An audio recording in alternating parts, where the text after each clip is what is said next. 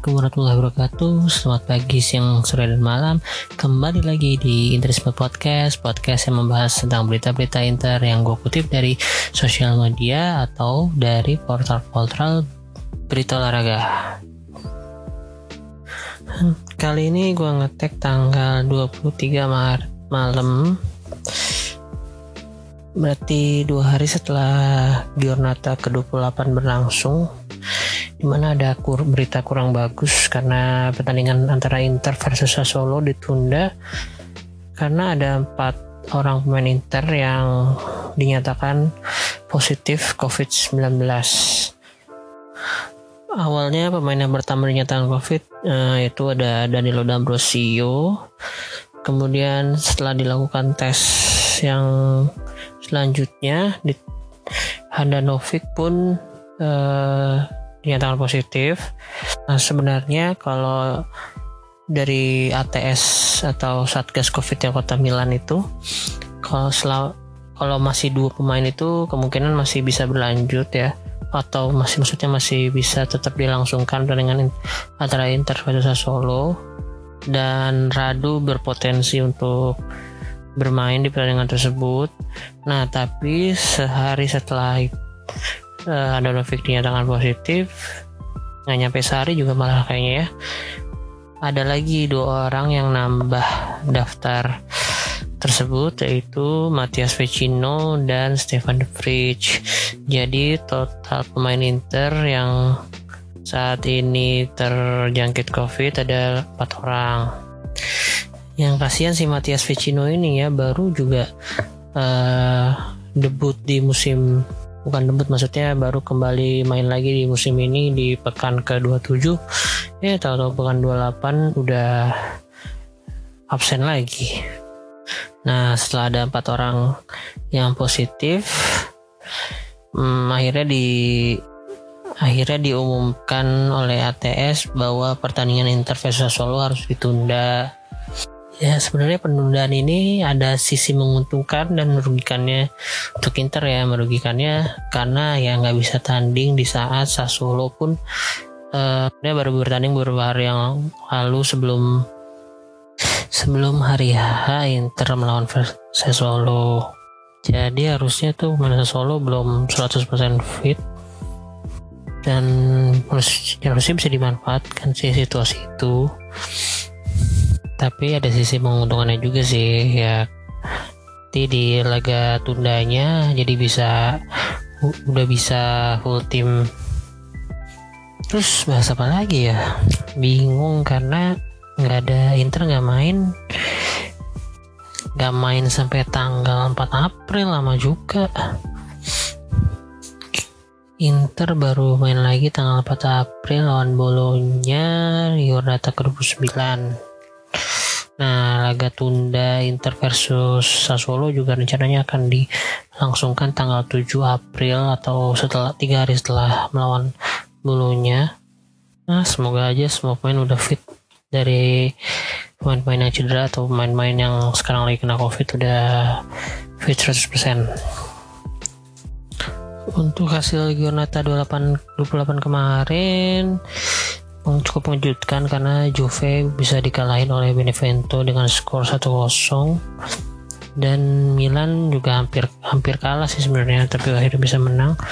Melawan Fiorentina 3-2 yang menarik kemarin justru ada pertandingan Monza versus Venezia pertandingan Serie B yang mempertemukan antara tiga pemain Inter kurang lebih ya di AC Monza ada Michel Di Gregorio ada Lorenzo Pirola dan di Venezia ada Sebastiano Esposito yang berhasil mencetakkan gol pertamanya untuk Venezia.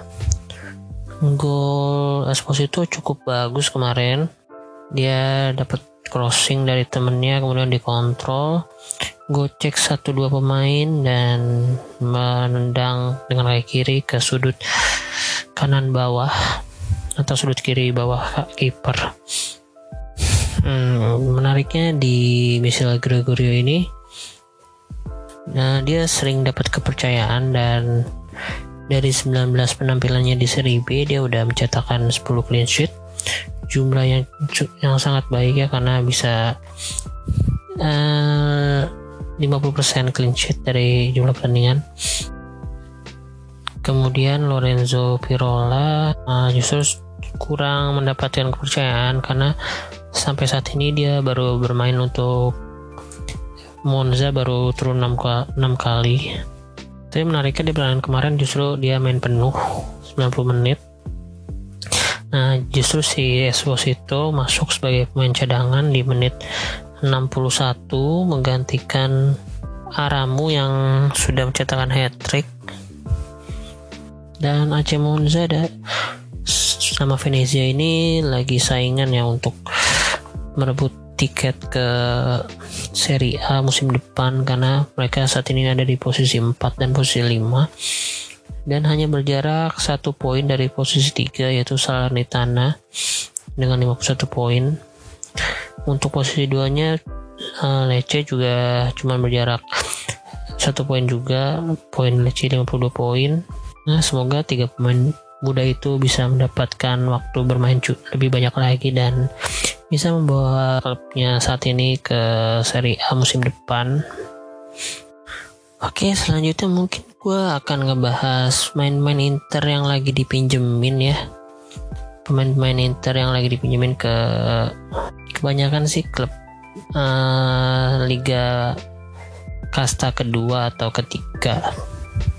Cuman nggak mungkin kan gue sebutin semuanya karena kayaknya ada hampir ya 20 lah kayaknya belasan pemain Inter yang statusnya lagi dipinjemin ke klub lain dan kali ini gue cuman akan ngebahas 5 pemain Inter yang, yang lagi dipinjamkan dengan market value yang tinggi menurut transfer market nah gue akan mulai dari posisi 5 yang terendah sampai posisi 1 yang tertinggi maksudnya oke di posisi 5 ada Raja Nenggolan.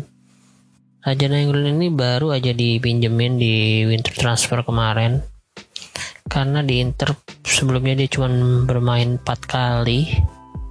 Dengan pertama lawan Fiorentina cuma main 16 menit, terus lawan lawan Genoa cuma main 10 menit, lawan Parma 12 menit, lawan Torino 14 menit doang. Jadi minitnya sangat kurangnya di Inter. Di lain sisi Cagliari juga ngotot banget mau minjem Raja atau mau ngebeli tapi dengan harga yang murah.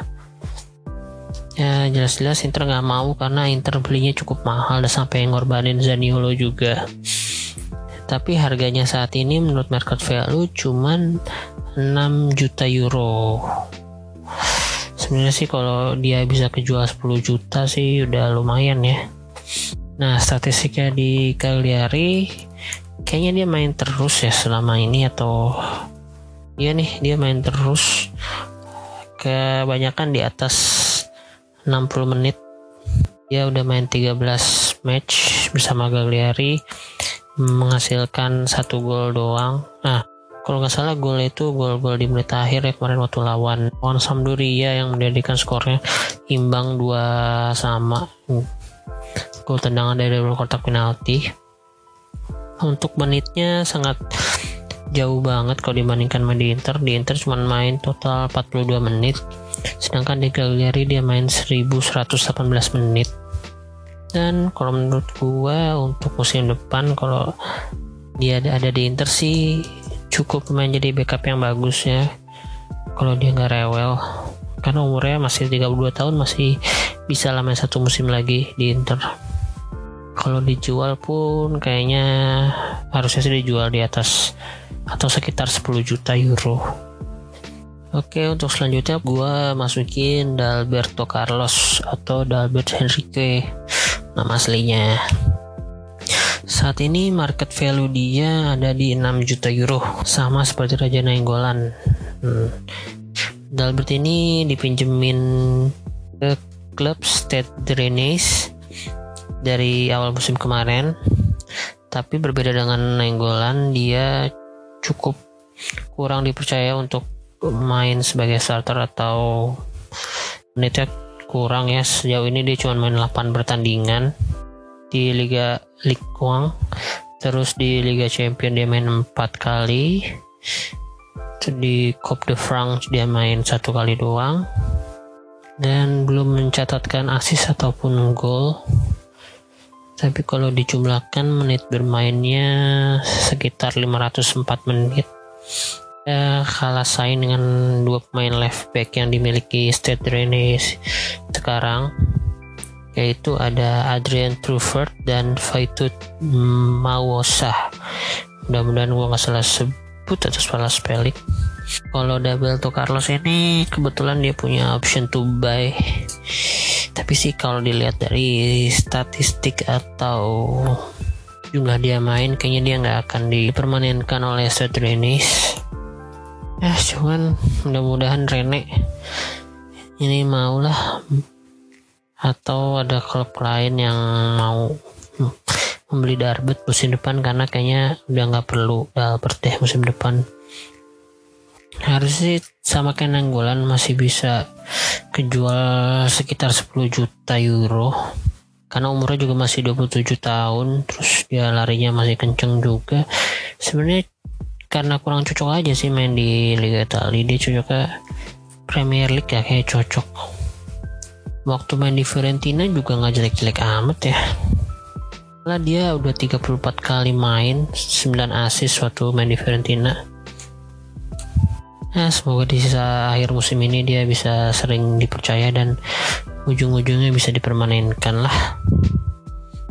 Eh sorry sorry tadi Dalbert ternyata masih nomor 5 karena harganya sama kayak Nainggolan yaitu 6 juta euro. Sekarang untuk nomor 4 gue masukin Edi Salcedo.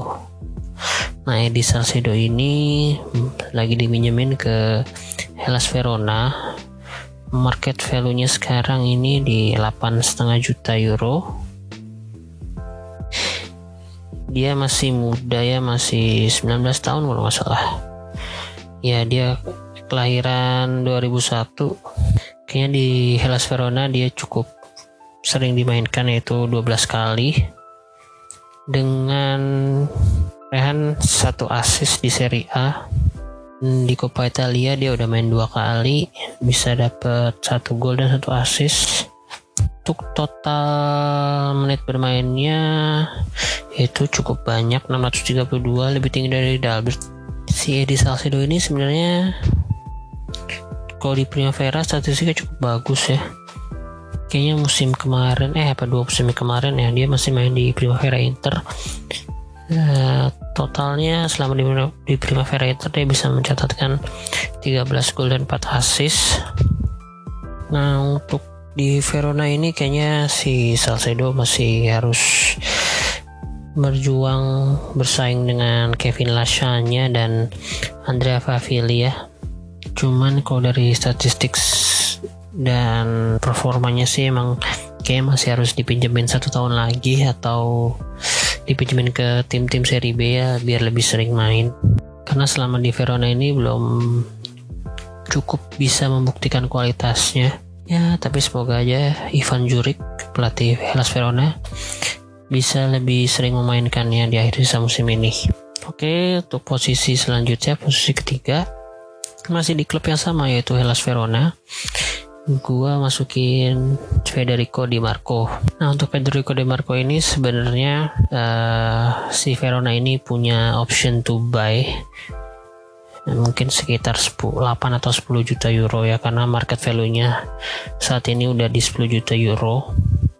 Nah tapi Inter masih katanya sih punya klausul buybacknya. Atau kalau misalnya nanti benar-benar jadi dijual atau jadi dibeli oleh Hellas Verona si Inter bisa beli lagi cuman pasti dengan harga yang lebih mahal dari yang dibeli Verona nantinya. Kalau untuk Di Marco sangat impress banget musim ini dia udah main di Serie A dia main 25 kali. Dia berhasil mencetak 4 gol dan 5 assist. Kayaknya statistiknya hampir mirip kayak Hakimi ya. Hakimi kayaknya 5, 5 gol 5 assist atau 6 gol 5 assist gitu. Untuk menit bermainnya uh cukup banyak banget di antara nama-nama yang gue sebutin sebelumnya ini yang paling banyak yaitu dia udah bermain se sebanyak 1986 menit dan dia berhasil membawa Hellas Verona ke posisi 9 klasmen sementara dan kayaknya ini cukup aman ya untuk tetap bertahan di Serie A musim depan karena jaraknya dengan zona degradasi cukup jauh terpaut 16 poin saat ini. Dan main ini sih kalau nggak dipermanenin Hellas Verona wajib banget main musim depan di Inter. Karena kebetulan katanya kabarnya Young dan Kolarov kontraknya habis musim ini atau nggak akan diperpanjang. Dan Federico Di Marco ini bisa jadi penggantinya ya cuman sih ada sedikit aspek yang harus dibenahi oleh Conte itu aspek defense-nya ya. Karena waktu Hellas Verona ketemu hak uh, Inter ya dia berhadapan langsung dengan Hakimi dan cukup keteteran lawan Hakimi. Kalau untuk offense sih nggak perlu diragukan lagi ya. Walaupun asisnya baru 5 tapi crossing crossingnya cukup mengancam lini pertahanan lawan apalagi kalau nanti musim depan ada Lukaku kayaknya bisa asis-asis eh crossing-crossing di Federico Di Marco bisa memanjakan Lukaku dan Lautaro Martinez. Nah, untuk peringkat kedua, pemain selanjutnya pemain kesayangan kita semua yaitu ada Baginda Jomar El Mawar Joao Mario yang saat ini market value-nya 13 juta euro turun banget dari angka yang Inter beli waktu dikibulin oleh Kia itu 45 juta euro kalau nggak salah. Di Baginda Jomar ini cukup dipercaya oleh pelatih Porto sekarang. Dia di Liga NOS atau Liga utama Portugal sudah mencatatkan 20 penampilan dan berhasil mencatatkan 2 gol dan 1 assist. Terus di Allianz Cup dia main tiga kali di Taka de Portugal plakat ini apa ya? Mungkin Coppa de Italianya. Portugal dia berhasil main tiga kali juga dan total menit bermainnya ada 1774 sebenarnya sih pemain ini kalau di skema Conte cukup bisa berguna ya. Cuman emang attitude-nya aja sampai sekarang nggak mau nggak mau minta maaf atau klarifikasi ucapannya ke Inter waktu itu. Jadi untuk musim depan kalau nggak dipermanenin sih. Emang susah nih dijualnya beli mahal-mahal susah jual ya. Karena mungkin kayaknya permintaan gajinya cukup tinggi ya.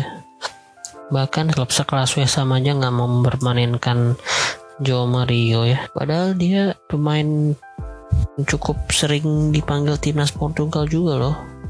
Dan waktu itu kan juga juara juara Euro dan Nation League juga ada kan dia di squad dan cukup berpengaruh lah di timnas Portugal. Udah lah nggak usah lama-lama ngomongin dia.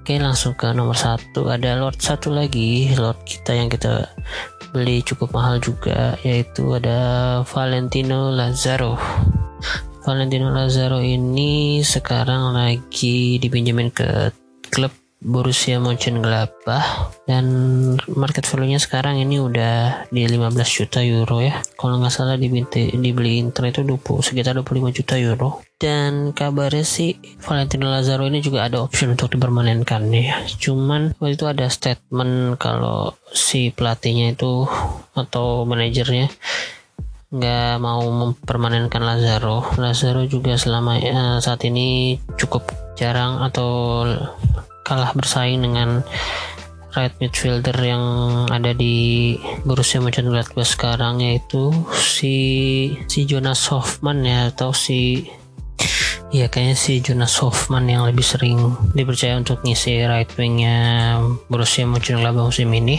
Untuk statistik menit bermainnya sejauh ini si Lazaro udah mencatatkan 800 menit di Bundesliga. 5 kali main di UCL itu jadi 240 menit.